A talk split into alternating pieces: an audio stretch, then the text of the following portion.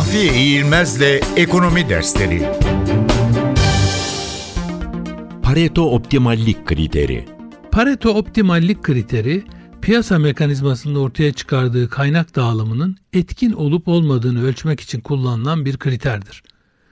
İtalyan iktisatçı Wilfredo Pareto tarafından geliştirilmiştir.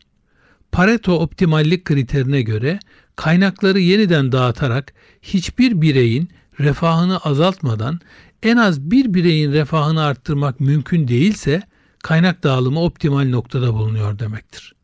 Bu noktaya Pareto optimal denir.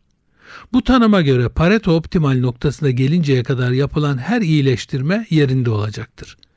Diyelim ki bir ülkede ekilmemiş yeni alanlara buğday ekilerek buğday üretimi artırılabiliyorsa bu Pareto optimal noktasına doğru bir ilerleme demektir.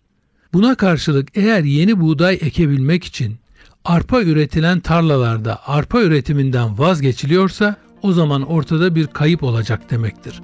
Bu durumda bir Pareto iyileştirmeden söz edilemez.